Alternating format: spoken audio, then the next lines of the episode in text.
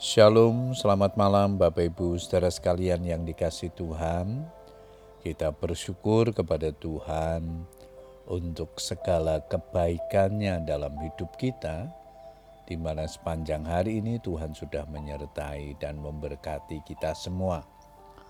Malam hari ini, mari kita kembali datang kepada Tuhan untuk menaikkan ucapan syukur dan doa-doa kita kepadanya.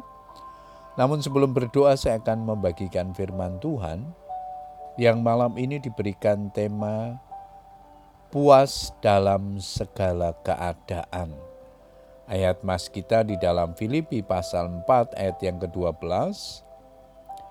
Aku tahu apa itu kekurangan dan aku tahu apa itu kelimpahan dalam setiap keadaan dan dalam segala hal, tidak ada sesuatu yang merupakan rahasia bagiku, baik dalam keadaan kenyang maupun dalam keadaan lapar, baik dalam keadaan berkelimpahan maupun dalam kekurangan. Tidak sedikit orang yang menjadi sombong manakala kelimpahan menghampirinya memandang rendah orang lain, dan merasa tidak lagi membutuhkan mereka, serta mengukur segala sesuatu dengan uang. Sebaliknya, ketika masa sukar menghampiri orang, menjadi mudah menyerah, berputus asa, bahkan menyalahkan Tuhan.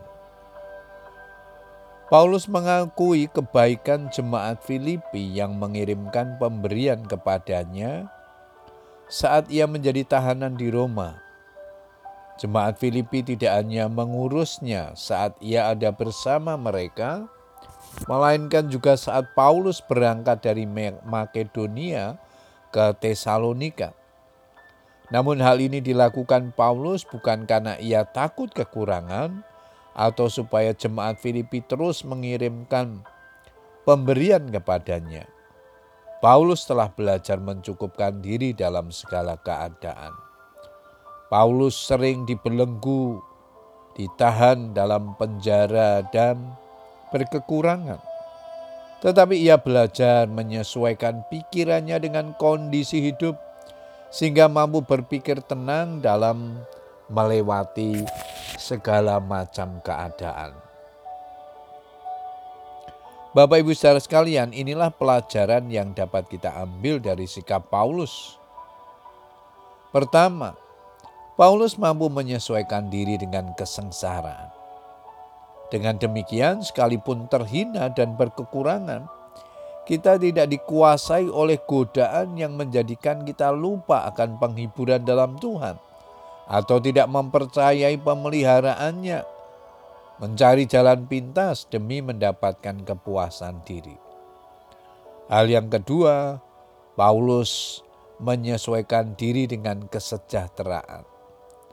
Dengan demikian, di tengah-tengah kelimpahan, kita tidak menjadi sombong, lupa diri, merasa aman, dan berfoya-foya. Dalam segala keadaan, tetaplah kita harus memandang Tuhan sebagai sumber kepuasan.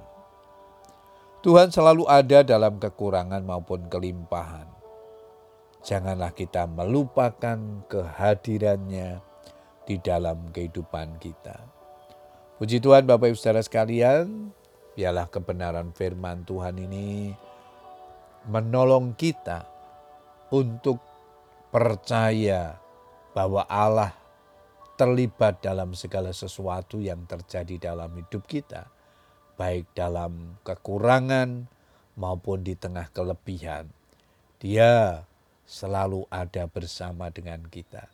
Karena itu, jangan ragukan pertolongannya di dalam kehidupan kita.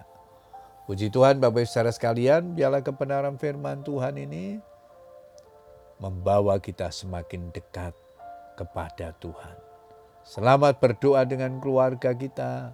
Tetap semangat berdoa. Tuhan Yesus memberkati. Amin.